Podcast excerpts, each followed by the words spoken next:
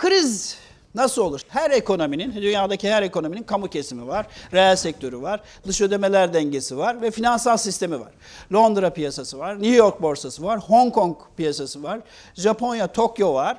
Bunlar bu finansal piyasalarda para her yere hızlı bir şekilde akıyor şu an. Şu an bütün bu sistem muazzam akıyor. Bu sistem durduğu anda, kan akışı durduğu anda dünya felç olmuş demektir. Öyle bir gün geliyor. Öyle bir güne ulaşacaksınız ve siz göreceksiniz onu. Yani dünyadaki finansal sistemin çöktüğünü göreceksiniz. Çünkü dünya finans tarihinde böyle bir dönem yok. Dünyanın yazılı tarihi 250 yıl, 300 yıldır yazılı verilerin olduğu tarih. Dünyanın 250-300 yıllık tarihinde gelişmiş ülkelerin borçlarının bu seviyeye çıktığı, milli gelirlerinin çok çok üzerine çıktığı ve aynı anda da basılan paranın 5-6 misli arttığı başka bir dönem yok. Bizim en çok merak ettiğimiz şu an bir teori bekliyoruz. Hani Godoy'u bekler gibi teori bekliyoruz. Ne olacak? Geleceği en iyi açıklayacak teori hangisi olacak şu an? Biz de onun üzerinde düşünüyoruz. Böyle büyük bir borç dağı ve büyük bir para dağı ne getirecek?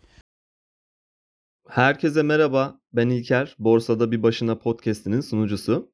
İşte sevgili Yaşar Erdinç Hoca'nın bahsettiği bu teori bana göre Bitcoin.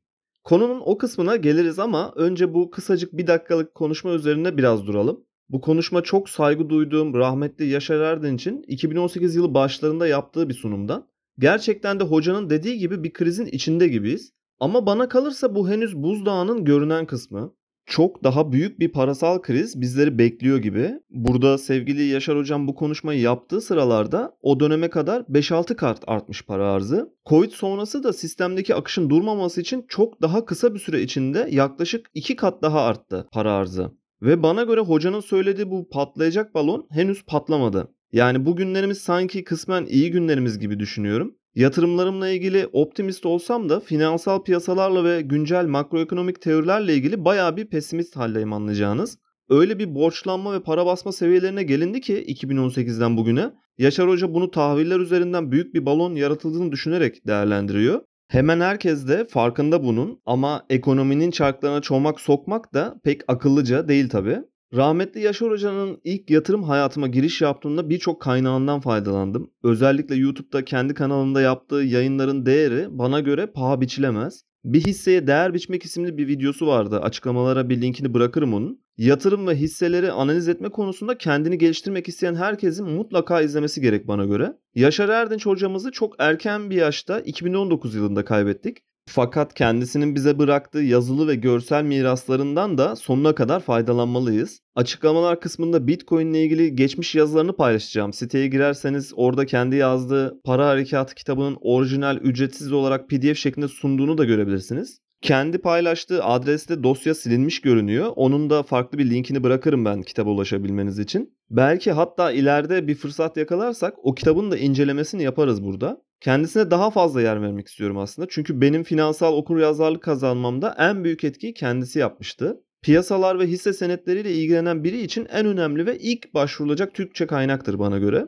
Fakat saygımın sonsuz olduğu sevgili Yaşar hocam Bitcoin ile ilgili yanlış fikirlere kapılmış gibi görünüyor. Bu dinlettiğim konuşmanın bir noktasında konu Bitcoin'e de geliyor. Bu konuyla ilgili yorumlarını da paylaşıyor. Birazdan dinleyeceğiz onu. Büyük bir balon olduğunu söylüyor. Keynesçi bir ekonomist olduğundan dolayı aslında normal görüyorum. Çoğu Keynesçi ekonomistlerde bunu zaten net bir şekilde görebiliyoruz. Direkt olarak ilk yaptıkları şey lale balonu veya Saatsi balonu ile benzeştirmeye gidiyorlar bir hisseye değer biçme hakkında paylaştığı videoyu ne kadar önersem az olsa da herhangi bir şeye değer biçme konusunda tipik bir Keynesçi ekonomist hatasına düştüğünü düşünüyorum.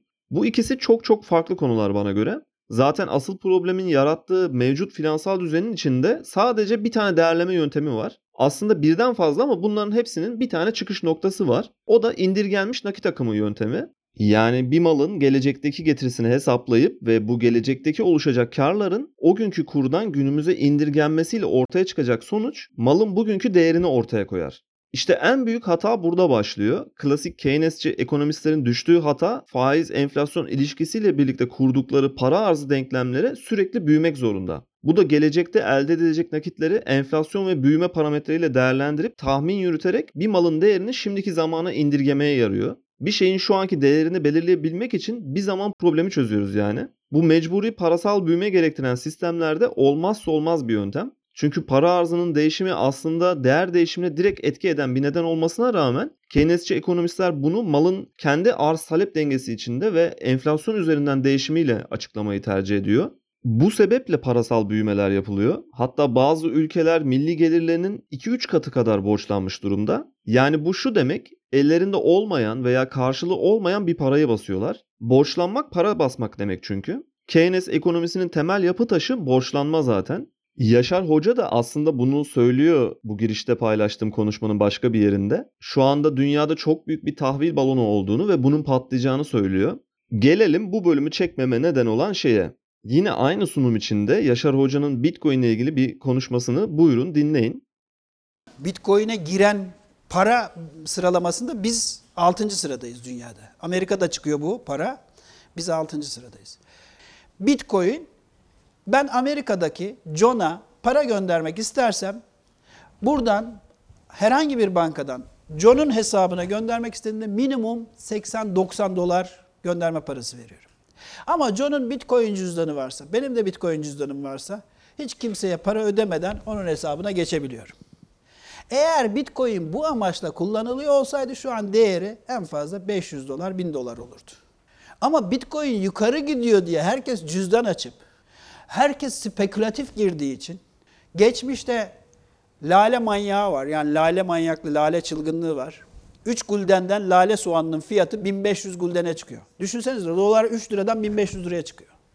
Ve millet alıyor. Adam 3 lale soğanla çiftliğini satıyor. Hayvanlarıyla, eviyle birlikte. Diyorsunuz ki ya bu manyaklar nasıl yapmış bunu? Aynı durumu ben şu an Bitcoin'de görüyorum yani. Böyle bir çılgınlık var şu an. Ama teknolojiyi anlamadıkları için öyle bir şey. Ama mesela Ripple öyle değil. Ripple hiç bireyseli almıyor. Banka kurumlarla anlaşmış. Amerikan Bankası ile Türk Bankası birbirine parayı transferi Ripple'la yaptığında hiç kimseye komisyon ödemiyorlar. Sevgili Yaşar Hocam, bu teknolojiyi anlamayan taraf siz olduğunuz için özür dilerim. Genellikle bir konuyla ilgili fikir sahibi olabilmek için madalyonun iki yüzüne de bakmaya çalışırım. İki farklı fikir de bir diğerini çürütmek için kendi tezlerini sunar. Ben de bu farklı fikirleri kendi süzgecimden geçirip bana göre uygun olanı sizlerle paylaşmaya çalışıyorum aslında. Adam Smith de okuyorum, Karl Marx da okuyorum, John Keynes de okuyorum, Karl Menger de okuyorum. Bu ikilemleri çoğaltabiliriz. Önemli olan bu tip birbirinden farklı kaynaklardan beslenip ortaya daha doğru olabilecek bir sonuç çıkarmaya çalışmak. Sevgili Yaşar Hoca'nın Bitcoin ile ilgili yazdığı 3 yazısını da açıklama kısmında linklerini paylaşırım. Bugün ilk yazısı üstünde duracağım biraz. Bir kere öncelikle şunu bilmek gerek. Hocanın söylediği gibi Bitcoin Amerika'da üretilmiyor. Bu üretimi sanki birilerinin arz ettiğini kastederek yapıyor hoca bunu. Böyle bir şey yok. Bitcoin Türkiye'de üretiliyor, Bitcoin Afrika'da üretiliyor gibi sanki doğal bir zenginlikmiş gibi bir algı yaratmak hiç doğru değil. Hatta bunu en son Çin'de merkezleşen madencilik şirketlerinin dağılmasında gördük. Bir kere şunda anlaşmak lazım. Bitcoin üretilmiyor, yaratılıyor. Üretilen bir şeyin değeri ürünün kendisiyle alakalıdır. Yaratılan bir şeyin değeri arkasındaki güçle, enerjiyle, harcanan emekle ve içsel değeriyle alakalıdır. Bitcoin her 10 dakikada bir kırılması imkansız zincirlere yeni blokların eklenmesi sırasında bu ağda çalışan işlem güçlerine ödül olarak yaratılıyor. Ve bu işlem gücünün kaynağı olacak enerji nerede daha ucuzsa ağdaki bu işlemciler dünyanın o bölgesine kayıyor. Bir dönem madencilerin yarısından fazlası Çin'deydi çünkü çok ucuz bir şekilde elektriğe ulaşıyorlardı. Hatta eski ve bir kısmı çalışmayı bırakmış hidroelektrik santrallerini yeniden ayağa kaldırıp buralardan üretilen ucuz enerjiyle Bitcoin ağına destek oldular. Bir dönem toplam ağın %50'den fazlası Çin'de konuşlanmış durumdaydı. Bu işlem gücündeki merkezileşme hatta bazı kaygılara da sebep oldu. Mesela o dönem Çin'deki en büyük Bitcoin işlemcilerini üreten şirketin sahibi kendini madencilerinin yetkilisi ve madencileri de Bitcoin'in yetkilisi olarak görüp blok limitlerini arttırmaya çalıştı. Bu şekilde bir çoğunluk bile Bitcoin'in en önemli özelliklerini değiştiremedi. Daha sonrasında Çin hükümetine teşekkür etmek gerek. Bir noktada Çin bu madencileri artık istemeyince hepsinin operasyonlarına son vermekle tehdit edip ülkeden çıkmalarını sağladı. Şu anda Bitcoin ağının arkasındaki işlem gücü dünyada daha dağıtık bir şekilde konuşlanmış durumda. Tekrar bir merkezileşme söz konusu olsa bile bunun Bitcoin'in yapısı gereği zarar verme ihtimali de çok düşük. Bunu blok savaşları diye tarihe not düşülen olayda zaten yaşadık. Blok limiti dediğimiz şey her 10 dakikada bir zincire eklenecek bloklarda ne kadar bilgili saklanacağıyla ilgili biraz. Yani her blokta ne kadar işlem olacak kısacası. Satoshi Nakamoto'nun koyduğu 1 MB limiti vardı bunun. Bu da kısmen Bitcoin'in ölçeklenebilirliğini sorgulatıyordu. Tabi sonradan Lightning Network'ün de gelmesiyle birlikte ikincil bir katmanda bu ölçeklenebilirlik problemi çözüldü. Hatta şu anda dünyadaki en fazla parasal veri aktarımını sağlayan sistem Lightning ağı. Hatta mesela Visa'dan bin kat daha fazla ve daha hızlı işlem yapabilme kapasitesinde şu anda. O dönemde bu ölçekleme problemini blok limitini 2 MB veya 4 MB'a çıkarak çözmek istediler madenciler. Kendilerini Bitcoin'in sahibi ve yetkilisi olarak görüyorlardı. Fakat onlar sadece ağdaki çalışan ücretli işçiler olduklarını anlayabilmek için yeni Bitcoin dedikleri coinlerini piyasaya sürmeleri gerekiyordu. Bitcoin'in gücünün arkasındaki madencilerden değil de dağıtık defter yapısından geldiğini anlayacaklardı bir süre sonra ve projeleri başarısız oldu. Satoshi Nakamoto'nun dediği gibi en uzun zincir her zaman gerçek Bitcoin'dir. Çünkü tüm geçmişin izini taşıyor. Bu belli zamanlarda Bitcoin'den ayrılan çatallar sadece birer taklitten ibaret. Bu yeni blok zinciri üzerine çalışanlar artık bu işlerin dayatmayla veya zorla yapılamayacağını anladılar. Bu tip köklü ve temel değişiklikleri yapabilmek için bir konsensus gerekli. Bitcoin ile ilgili çıkan update'lerin nasıl yapıldığını iyi incelemenizi öneririm bu konuyu daha iyi anlayabilmek için.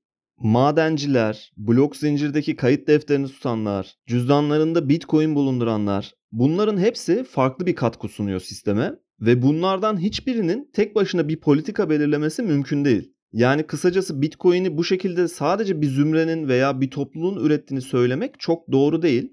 Başka birisi olsa bunu söyleyen iyi niyetli olmadığını da düşünebilirim. Çok sevdiğim rahmetli Yaşar Erdinç hocamızı gömmek gibi bir niyetim de yok aslında. Yanlış anlaşılmasını hiç istemem. Sadece farklı bakış açılarını ve karşı argümanları birlikte değerlendirip ortak bir doğruya ulaşmak olmalı amaç. Yani çoğu zaman ortak bir doğruya da ulaşılamıyor. Bunların hepsi birer teori aslında. Herkesin farklı fikirler edinmesi çok normal ama bir bilginin doğruluğunu teyit etmek de iyice kolaylaştı artık günümüzde. Yani Bitcoin Amerika'da üretiliyor demek biraz yanlış bilgi oluyor ve konuyla ilgili çok dar bir bakış açısına sahip olunduğunu gösteriyor bana göre. Bitcoin sadece bir ödeme aracı olarak düşünülse fiyatının ancak 500 dolar civarında falan olacağını söylemek de çok yanlış. Bu şekilde bir yaklaşım Amerikan dolarının neden 17 lira olduğunu da açıklamaz. Hadi onu geçtim. Evet Bitcoin bir ödeme aracı ama bağımsız bir ödeme aracı. Bu çok çok önemli bir detay aslında. Üçüncü taraflara gerek duymaksızın bir otoriteye gerek duymaksızın çalışan bir ödeme sistemi demek daha doğru. Satoshi'nin yayınladığı makale başlığında yazıyor zaten bu. Kişiden kişiye elektronik nakit sistemi makalenin adı. Fakat makaleyi okuyup idrak ettiğinizde bu ödeme aracı olan yeni nakit sisteminin aynı zamanda yeni bir para birimi olduğunu anlıyorsunuz. Ve bir para biriminin başka bir para birimine karşı ancak belli bir değerde olabileceğini savunmak çok yanlış. Bir de bunu bir sayıya sınırlamak çok büyük bir hata. Neye göre 500 dolar değer biçtiğini öğrenmek isterdim açıkçası. Sevgili Yaşar hocam aslında paranın zaman değerini bana ilk öğreten isimlerden biri olmasına rağmen bu konuda böyle düşünmesi beni baya bir şaşırtmıştı. Hatta yazısına göz atarsanız Bitcoin'in hep 1 dolar sabitliğinde olması hakkında bir yer var. Bu şekilde 1 dolara sabitlenseymiş gerçek bir devrim olabilirmiş. Çok üzülerek hocama itirazlara devam etmeden önce şunu söylemem lazım. Ee, kıymetli hocanın yazısında 8. adıma kadar takıldığım bir nokta olmadı. Sonrasında başlıyor ayrışmamız. Bir bitcoin 1 dolar kısmını görünce zaten gözlerim fal taşı gibi açıldı. Sürekli olarak zaten kendi fikirlerimle veya fikirlerime edindiğim kaynaklarla bunun karşıtı olan fikirleri kafamda çarpıştırmaktan çok zevk alıyorum. Fakat bu bitcoin sabitliği konusuyla ilgili karşı tarafın konu hakkında bilgisiz olduğunu düşünmeden de edemiyorum. Tekrardan kusura bakmayın. Ben genelde incelikli bir şekilde bu tartışmayı ele almaya çalışıyorum. Bazı noktalarda ben de dahil hemen herkesin çok sevdiği ve saydığı, akıl hocası olarak gördüğü rahmetli Yaşar Erdinç hakkında bir karalama yapmak değil niyetim. Tekrar etmek istiyorum. Kendisinden öğrendiğim şeyler için hakkını hiçbir zaman ödeyemem. Alanında çok yetkin ve bilge birisi fakat önerdiği bir bitcoin eşittir 1 dolar sabitliği kafamda koca bir pencerenin tuzla buz olması gibi bir etki yaratıyor bende. Ripple hakkındaki düşüncelerini idrak edemiyorum. Ripple hiç bireysel almıyor demek yani Bitcoin'in temel özelliği olan merkeziyetsiz ağının Ripple ağıyla karşılaştırıldığını görmek çok üzücü. İki alıntı yapacağım yazısından. Biri bu merkeziyetsizlikle bağlantılı. Bir noktada şöyle diyor. Bitcoin fiyatı arttıkça Bitcoin madenciliğine yatırım yapanların sayısı da inanılmaz bir şekilde arttı. Aslında Bitcoin'i icat eden Nakamoto bence işte bu noktada büyük bir hata yapmış. Eğer bir finans uzmanıyla konuşmuş olsaydı Bitcoin'in bir hesaptan diğer bir hesaba transferi için gereken güvenliği sağlamak adına bu tür bir ödül yöntemi geliştirmek Bitcoin madenciliği yerine bu transfer güvenliğini sağlayacak hash süreçlerine yatırım yapanlarla komisyon paylaşımı yapabilirdi. Hocanın tarif ettiği bu sisteme biz şu anda Proof of Stake diyoruz. Yani Yaşar Hoca aslında Proof of Work yerine Proof of Stake sisteminin daha iyi olduğunu savunuyor. Bu hala çok tartışmalı bir konu ama ben Proof of Work tarafındayım. Zaten bu ağı devrimsel nitelikte bir yenilik yapan şey de bu. Hatta bu Proof of Work şifreleme altyapısının aynı zamanda ayarlanabilir zorluk derecesiyle yapılması harika bir şeyin üstüne olağanüstü bir ekleme gibi. Tüm olay burada bitiyor zaten. Çok çok önemli bir temel yapı taşı Bitcoin için bu. Gücünün ve bağımsızlığının büyük bir kısmını da buradan alıyor. Aynı sitede Sayın Mahfiye İlmez hocanın da bir yazısına denk geldim. Bu merkeziyetsiz ağın çalışma prensibini ve Bitcoin arzını şöyle anlatıyor. Yeni Bitcoin'lerin dolaşıma girebilmesi için 16 haneli bir şifreyi çözmek gerekiyor. Bu şifreyi çözmek oldukça profesyonel bilgi ve teknik donanım gerektiriyor. Şifreyi çözen kişi 12,5 adet Bitcoin kazanıyor. Bitcoin sistemini kullanarak ödeme ya da bir işlem yapmak isteyip de şifreyle uğraşmak istemeyenler Bitcoin satan internet sitelerinden para karşılığı satın alabiliyorlar. Bu tip kayda geçen ve kendi dönemine not düşen yazıları okudukça ben utandım çok saygı duyduğum ve sürekli yeni şeyler öğrendiğim Sayın Mahfi Elmez hocanın kendi bir blog sayfası da var. Orayı da mutlaka takip etmenizi öneririm. Fakat konu dışına çıktıklarında böyle saygı duyulası ekonomistlerin özellikle bir de yazılı bir şekilde bir şeyler yayınlıyorsanız ekstra dikkatli olmaları gerek. Böyle büyük isimlerin bu tarz hatalar yapması karşısında biraz da agresifleşiyor olabilirim. Gerçekten kimse yanlış anlamasın. Bu bahsettiğim isimler rahmetli Yaşar Erdinç Hoca artık bize yeni şeyler gösteremese bile bıraktığı kayıtlar çok değerli. Sayın Mahfiye İlmez Hoca bugünlerde açık bir şekilde ülkenin geldiği nokta ile ilgili konuşabilen nadir kişilerden. Fakat doğru bilginin yayılması için her şeyimi verebilirim. Bir yanlış gördüğümüzde karşımızdaki çok etkin ve saygılı bir kişilik olsa dahi bunu düzeltmek için uğraşmak kesinlikle yanlış anlaşılmamalı. Hocamız Bitcoin üretebilmek için 16 haneli bir şifreyi çözmemiz gerektiğini söylüyor. Bu yanlıştan da öte bir yazı. Bitcoin kriptografisi SHA-256 algoritmasını kullanıyor belki bazılarının bildiği gibi ve bu şekilde bir 16 haneli şifreleme gibi bir şey değil bu bunu Facebook veya Twitter'da zorlu bir şifre oluşturma gibi basite indirgemesi çok kötü olmuş. Hiç böyle bir şey yazmasa daha iyiydi. O dönemde 12,5 Bitcoin ödülü veriliyordu blok başına. Bir blokta yüzlerce işlem oluyor. Bu yüzlerce işlemin hepsi SHA-256 ile şifreleniyor ve tek tek hash üretiliyor. Ve Merkle ağaçları denilen bir protokolle tüm bu hashler birleştirilip blok yaratılıp bloğun kendi hash'i üretiliyor. Daha detaylı bakmak isteyenler için açıklamalar kısmına bunun bir linkini bıraktım. İşte tüm bu katmanlı hashleri şifreleyen SHA-256 algoritmasını 16 haneli bir şifre çözmek olarak söylendiğinde neler hissettiğimi belki biraz anlayabilirsiniz. Şifreyle uğraşmak istemeyenler için Bitcoin satan internet sitelerine yönlendiriyor hoca. Şifreyle uğraşmak istemeyenler çok değişik bir tabir. Gerçekten akıl tutulması yaşıyorum böyle yanlış bilgiler gördükçe ve gerçekten kusura bakmayın. Böyle konularda özellikle ciddi bir araştırmayla doğru sonuca ulaşabilecek konularda bu şekilde yanlış bilgiler vermek beni biraz çileden çıkartıyor. Kusuruma bakmayın lütfen bu konularda. Bu 16 haneli şifreyi çözmek demek evet Bitcoin sahibi olmak anlamına geliyor. Fakat bu tırnak içinde 16 haneli şifrenin konulma amacı birinin internet bankacılığı hesabının şifresini çözüp tüm parasını almak gibi bir şey değil.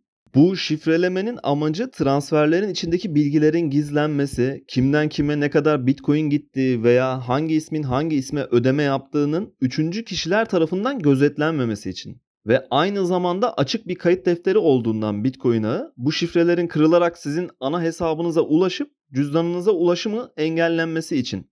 Ve bu şifreyi madencilikle kıracak hackerlar diyelim biz onlara hocanın gözünden. Bu hacker 12,5 bitcoin'i tek başına kazanmıyor. Bu arkadaşlar tüm o bloktaki işlemlerin Merkle ağacı denilen metotla birleştirilip tüm bunlardan oluşturulan yeni ve tek olacak blok için bir hash çözümlemesinde ve buna bir zaman damgası verilmesinde çalışıyorlar. Çok karmaşık görünüyor biliyorum. Sadece bu işin 16 haneli bir şifreleme olarak basite indirilemeyeceğini anlamak yeterli aslında.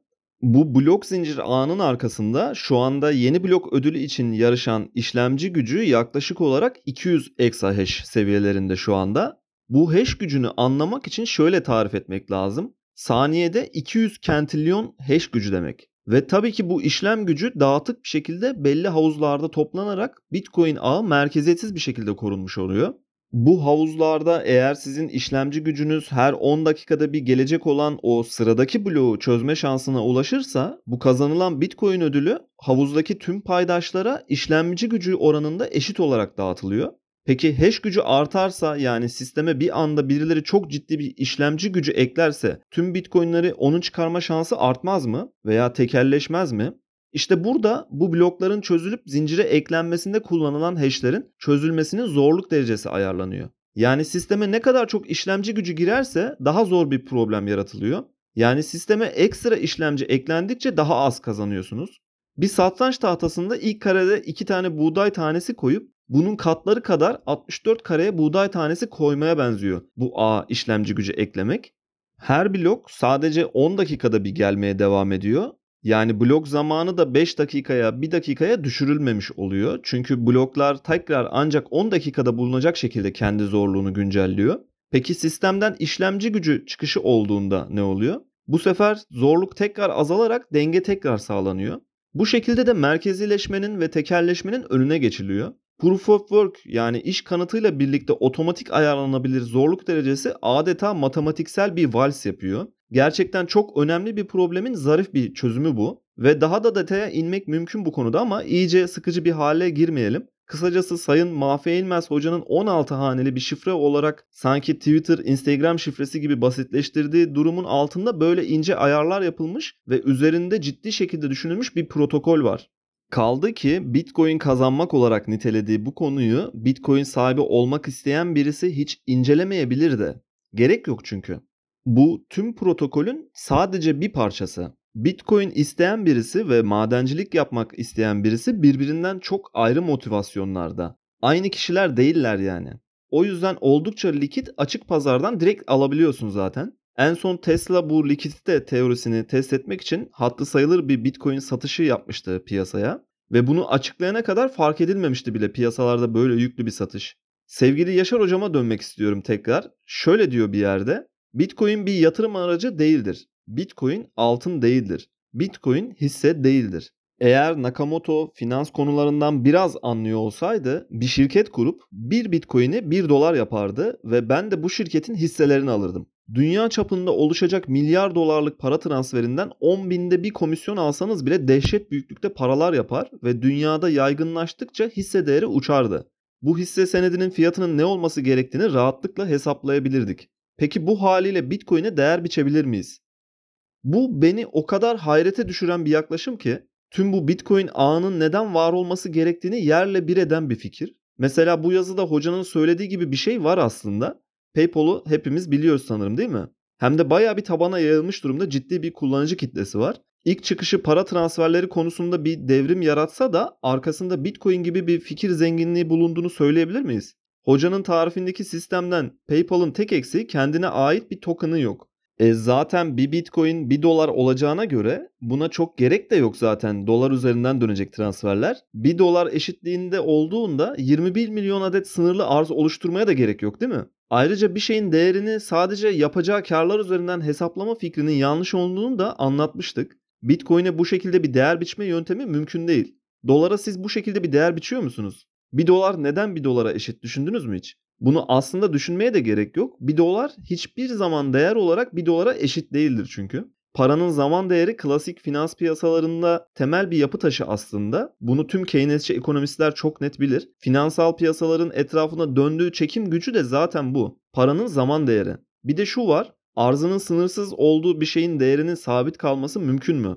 Peki şöyle söyleyelim o zaman daha net anlaşılabilmesi için. 1 dolar her zaman 1 dolara eşit görünebilir ama bugünkü 1 doların herhangi bir başka zamandaki 1 dolara göre değeri oldukça farklılık gösterecektir. Değer böyle bir şey işte. Özellikle takas aracı olarak kullandığımız paranın değeri bu şekilde belirlenir. Ona bir hisse senedi veya menkul kıymet olarak bakmak çok yanlış olacaktır.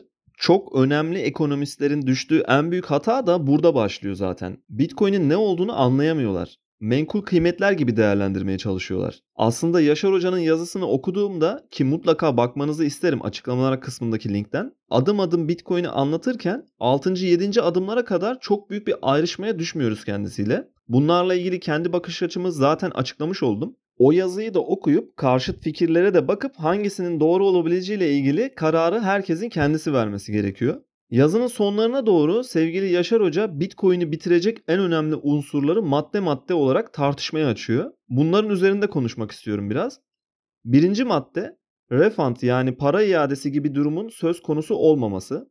Bu yüzden özellikle internet üzerinden alışverişlerde veya farklı bir dolandırıcılık vakası mağduru olursanız parayı gönderdiğiniz kişiden bir daha geri alma şansınız yok. Yani mesela kredi kartıyla bir ödeme yaptığınızda bunu iptal ettirme veya geri alma iade şansınız var. Bitcoin'de böyle bir şey yok. Hatta bir adrese yanlışlıkla para göndermiş olsanız bile bunun geri dönüşü yok karşı taraf istemedikçe. Dolayısıyla aşırı volatil, istikrarsız ve aynı zamanda sahtekarlık için kullanılacak Bitcoin asla dünyada gelişen bir ödeme birimi olamaz diyor hoca. Öncelikle öğrendiğim bir şey varsa o da asla asla dememek lazım. Fakat bu maddenin gerçekten doğruluk payı da var. Birine yanlışlıkla ödeme yapmanızı geçtim. Gönderdiğiniz adreste sadece bir harf hatası bile yapsanız tüm gönderdiğiniz parayı kaybetme ihtimaliniz çok yüksek. Bu konuda çok çok dikkatli olmak lazım. Yaptığınız ödemeyi bir otoriteye iptal ettirme veya geri ödeme alma gibi bir şansınız da yok. Fakat işte tam da bu yaklaşım paranın özgürleşmesini engelleyip otoritelerin elinde merkezileşmesine yol açan en önemli bahane. Bu yaklaşımın aynısı altın için de geçerli mesela. Ben birine altın ile ödeme yapıyor olsaydım altın karşı tarafa teslim ettikten sonra onun rızası olmadan tekrar elinden almam mümkün mü? Merkezi bir otorite aramızdaki bu ilişkiyi inceleyip bir tarafı haksız bulup altını diğer tarafa yine teslim edebilir. Acaba hocamız altın için de bir ödeme aracı olamaz diyebilir mi günümüzde? Bazı dezavantajları olduğu kesin, taşınılması gibi falan ama asla bir ödeme aracı olamaz diyemeyiz altına. Kaldı ki Bitcoin ile yapılan transferlerde elinizde bir kayıt var. Gönderdiğiniz adresin bile aldığı ödemeyi ne yaptığını, paranın nerelere gittiğini sonuna kadar takip edebilirsiniz. Çöp kutusuna insanları dolandırıp nakit para bıraktıran, kendini polis, savcı veya asker olarak tanıtan kişileri veya bunların aldıkları nakit paraları bir daha takip etme şansınız var mı? Bunu da geçtim banka hesabı üzerinden dolandırılan yakın bir arkadaşım bir yıldan fazla bir süredir bir çözüme ulaşamadı. Banka üzerinden dolandırılınca da böyle bir geri ödeme alamıyorsunuz hemen. Hatta çoğu zaman şikayette bulunduğunuzda size üstüne soğuk bir su için diyorlar açık açık. Fakat Bitcoin blok zincirini inceleyen şirketler o kadar gelişti ki artık sizi dolandıran birisi bu parayı dolara veya başka bir birime dönüştürmek istediğinde daha çok zorlanıyor klasik parasal sisteme göre. Çünkü her adımı herkes tarafından takip edilebiliyor. Açık bir defter var çünkü herkesin inceleyebileceği. Hangisinin daha güvenli olduğu ile ilgili yorumu size bırakıyorum. İkinci madde Bitcoin'in fiyatını çok yüksek seviyeye getirenlerin kara para aklayanlar olduğunu ve bu şekilde de yüksek miktarda transferleri daha rahat gerçekleştirdiklerini düşünüyor hoca. Kara parayı bazı sorgulanmayan ülkelerde bankalar üzerinden kripto para borsalarına aktarıp buradan Bitcoin alma ihtimali var. Bundan sonrası sistemden çıkış olduğundan bir takipsizlik getiriyor. Merkez bankalarının ve piyasa denetleyicilerinin bu tip durumları engellemek için düzenlemeler getireceğini düşünebiliriz belki. Hatta burada öyle bir şey söylüyor ki bu Bitcoin transferlerinin loglarının tamamen merkez bankaları tarafından açık görülmesi zorunluluğu gibi bir düzenleme bekliyor. Şimdi öncelikle şunu söylemekte fayda var. Bitcoin ağı zaten tamamen tüm kayıtları açık bir sistem. Bütün Bitcoin'lerin hangi cüzdandan hangisine gittiğini, ne zaman ve ne kadar gittiğini oturup görebilirsiniz. Tabi burada çok önemli bir nokta var. Bu transferlerin tüm içeriklerini bugün herkes görebilirken gizli olan tek şey kimin kime gönderdiği. Yani isimler gizli. Anonim şekilde sadece cüzdan adresleri var. Baktığınız zaman bu tip istekler ve saldırılar Bitcoin'in temel fikrine bir saldırı aslında. Zaten bu problemlerin çözümü için sunulan bir yeni para ağı Bitcoin. Ve bu da zaten Bitcoin'in en temel savunduğu şey. Satoshi Nakamoto'nun yayınladığı makalede daha ilk başlıkta yazıyor. Peer to peer yani kişiden kişiye. Kaldı ki bugün dünyada en yüksek hacimli insan kaçakçılığı, uyuşturucu ticareti, kara para aklama işleri tamamen dolar üzerinden yapılıyor desek yeridir. Çünkü aslında en takip edilemez para şekli nakit para. Ben rakamlarla konuşmayı severim. Şöyle bir bilgi de vereyim. Tüm bu çalışmanın linkini de bırakırım. şu anda mevcut parasal sistem içinde yıllık para aklama miktarının tüm dünyanın GDP'sinin yaklaşık %2 ila %5 arasında olduğu hesaplanıyor. Birleşmiş Milletler bunu hesaplayan. Bu da yaklaşık olarak 800 milyarla 2 trilyon dolar arasında bir rakam. Yıllık bu rakam dikkat edin. Toplam kripto endüstrisi zaten 1 trilyonun altında şu anda ve bu paranın %90'ından fazlası zaten mevcut düzende yakalanamıyor.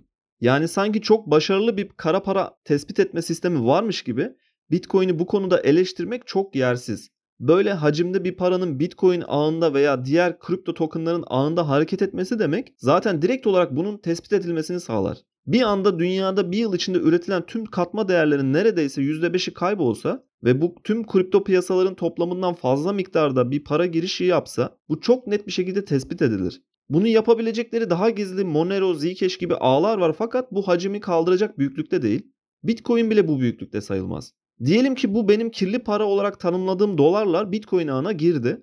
Bitcoin'in piyasa büyüklüğünün bir anda veya kısa bir süre içinde ikiye katlanmasına sebep olabilecek büyüklükte bir giriş bu. Zaten mevcut finansal düzende nakit üzerinden daha sağlıklı ve sorunsuz bir şekilde döndürüyorlar bu ticareti. Neden takip edilme riskini alıp tüm bu varlıkları Bitcoin ağına kaydırsınlar? Sırf bu sebepten dolayı mesela %90 yakalanamayan bu kirli para yüzünden doları yasaklamayı teklif etmek ne kadar mantıklı olurdu? Üçüncü madde Bitcoin'e yatırılan paranın alışverişte ve para transferlerinde kullanılmaması. Bu ağdaki piyasa büyüklüğünün çok büyük bir kısmının sadece şuursuz bir yatırımcı kitlesinin zengin olma hayali olarak görüyor Yaşar Hoca. Bu kısmen doğru. Gerçekten de hatır sayılır bir kesim hızlı zengin olma hayaliyle Bitcoin veya diğer kripto tokenlarına yatırım yapıyor ve bunun böyle olmayacağını çok acı bir şekilde tecrübe ediyorlar aslında kısa bir sürede. Ama sadece bu şekilde bir yaklaşımla insanların acı tecrübeleri üzerinden Bitcoin'in başarısızlığa uğrayacağını düşünmek çok yanlış olur. Bunu 2000'lerdeki internet balonuna benzetiyorum ben. O dönem çok ciddi bir şekilde patlayan internet balonunda çok ciddi para kaybeden insanlar, Microsoft gibi şirketleri de göz ardı edip her şeyin bittiğini düşünenler, yıllar sonra çok büyük bir yanılgıya düştüklerini anladılar sonunda. Dördüncü madde Bitcoin'in bir yatırım aracı değil de bir ödeme aracı olduğunu anlamak bu ağı bitirecek en önemli unsur diyor. Bir tanesi 17-20 bin dolar olan Bitcoin ile alışveriş yapma ve ödeme yapmanın anlamsız olacağını savunuyor. Hatta şu günlerde gündeme girmeye başlayan merkez bankalarının kendi çıkaracağı sanal paraların fiyat istikrarından dolayı tamamen piyasayı bitireceğini öngörüyor. Yine oldukça yanlış bir yaklaşım. Öncelikle bir Bitcoin'in fiyatının 17 bin dolar veya 170 bin dolar olması onu bir harcamada kullanmayı anlamsızlaştırmıyor. Bir defa Bitcoin Satoshi denilen birimlere kadar bölünebiliyor. Bir Bitcoin 100 milyon Satoshi yapıyor. Yani bir Bitcoin 100 milyon birime bölünebilir. Ve bu da ödemelerde bu şekilde kullanılabilir. Ayrıca asıl önemli olan zaten Bitcoin'in aslında bir yatırım aracı olarak görülmemesi gerek. Bir değer saklama aracı diyebiliriz buna. Bu yönden altına benziyor. Ama aynı zamanda bir takas aracı olarak çok hızlı bir şekilde ve üçüncü bir tarafa da ihtiyaç duymadan kişiden kişiye bir ödeme yöntemi olarak da çok güçlü. Kaldı ki bu en önemli hatası olarak görünen özelliği aslında büyük kitleler tarafından anlaşıldığında çok daha ciddi bir şekilde ağın kullanımı yaygınlaşacak ve Bitcoin asıl amacına hizmet etmeye başlayacak. Yani Bitcoin'in en güçlü özelliklerini aslında onun defoları, hataları gibi göstermeye çalışmak bu yeni para dediğimiz şeyin aslında ne yapmak istediğini, felsefesinin ne olduğunu hiç anlayamamış olmak demek bana göre. Bununla ilgili hatta kullanılan kalıp bir cümle var çok sevdiğim. It's not a bug, it's a feature diyorlar buna. Yani bunlar bir hata değil, hepsi birer özellik. Ve Bitcoin'in tüm bu özellikleri onu eşsiz kılıyor zaten. Bu arada sevgili Yaşar hocam bu ilk sert yazısından sonra sanırım biraz itiraz almış olacak ki ikinci ve üçüncü yazısında daha ılımlı bir yaklaşım belirlemiş. Bitcoin'in kendisinin değil de fiyatının bir balon olduğunu anlatmaya çalışıyor sonraki yazılarda. Dediğim gibi hepsinin linkini açıklamalar kısmında bulabilirsiniz. Fakat sonraki yazılara rağmen yine de ilk yazıda büyük puntolarla kocaman bir şekilde Bitcoin'i bitirecek en önemli unsurlar diye 4 madde sıralayıp hemen sonrasında daha farklı bir yakış açısına geçmek çok çelişkili geldi bana. Aslında sadece rahmetli Yaşar Hoca özelinde bu bölümü yaptığım düşünülmesin. Kendisinin kişisel gelişimimde hakkını hiçbir zaman yatsıyamam. Sadece bu yazıda gördüğüm kısımları sürekli başka yerlerde de gördüğümüz için ve insanların özellikle takıldığı bana göre çok basit ispatları olan açıklanabilir özellikler oldukları için bu şekilde hazırladım bu bölümü. Yaşar Hoca bunu kayıt altında bir yazı olarak sunduğu için kaynak olarak onu aldım. Yoksa benzer şekilde belki çok daha fazla kişi aynı şeyleri söylüyor ve 5 yıl öncesine ait bir kayıt olmasına rağmen günümüzde tüm bunların açıklaması yapılmasına rağmen aynı konular tekrar ısıtılıp önümüze geldiği için böyle bir bölüm yapma ihtiyacı hissettim. Keynes modelini benimseyen ekonomistler ya gerçekten bu devrim nitelikteki yeniliğin ne yapmaya çalıştığını anlayamıyorlar ya da bilinçli bir şekilde buna karşı çıkıyorlar. Kimileri ilk grupta, kimileri ikinci grupta ve kimin hangi grupta olduğuna karar vermek bana düşmez. Ve konuyu şöyle toparlamak istiyorum. İnsanlık tarihi boyunca ilk defa totaliter bir rejimde veya bir diktatörlük altında yaşayanların emeklerini değersizleştirmenin veya el koyulmasının veya sansüre uğramalarının önünde onları koruyabilecek bir yol var. Ve buna karşı olduğunuzu bir düşünün. Bölümü tamamlarken onlara armağan etmek istediğim bir şarkıyla kapatmak istiyorum. Çok sevdiğim Have Fun Staying Poor şarkısını onlar için size dinletmek istiyorum. Bu haftalık benden bu kadar. Umarım keyif almışsınızdır. Açıklamalar kısmında yer alan mail üzerinden soru ve görüşlerinizi iletebilirsiniz. Bir sonraki bölümde görüşmek üzere. There are some who for Bitcoin have nothing but hate, who refuse to engage in an honest debate. You may call them no coiners or cantillionaires. To abuse and enrage them, you simply declare, Have fun staying poor, have fun staying poor, while we drink up some more of your no coiner tears. When they say folks use Bitcoin to buy sex or drugs, and the terrorists treasure it for paying their thugs. Oh, the currency's dirty, it's just used for crime. You can laugh in their face while you sing 'em this rhyme. Have fun staying poor, have fun staying poor, while we drink up some more of your no coiner tears. There are shift for brains people who like buying gold, say that money is something you touch and you hold, and the intrinsic value of Bitcoin's a joke. You can sing this refrain while you watch 'em go broke.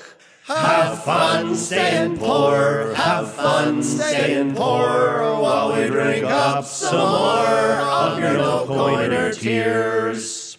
Oh, the government never will let it succeed. Say the sycophant statists with their MMT creed as they steal all your savings with gluttonous glee. You can sing 'em this song while they're bending the knee. Have fun staying poor, have fun staying poor while we drink up some more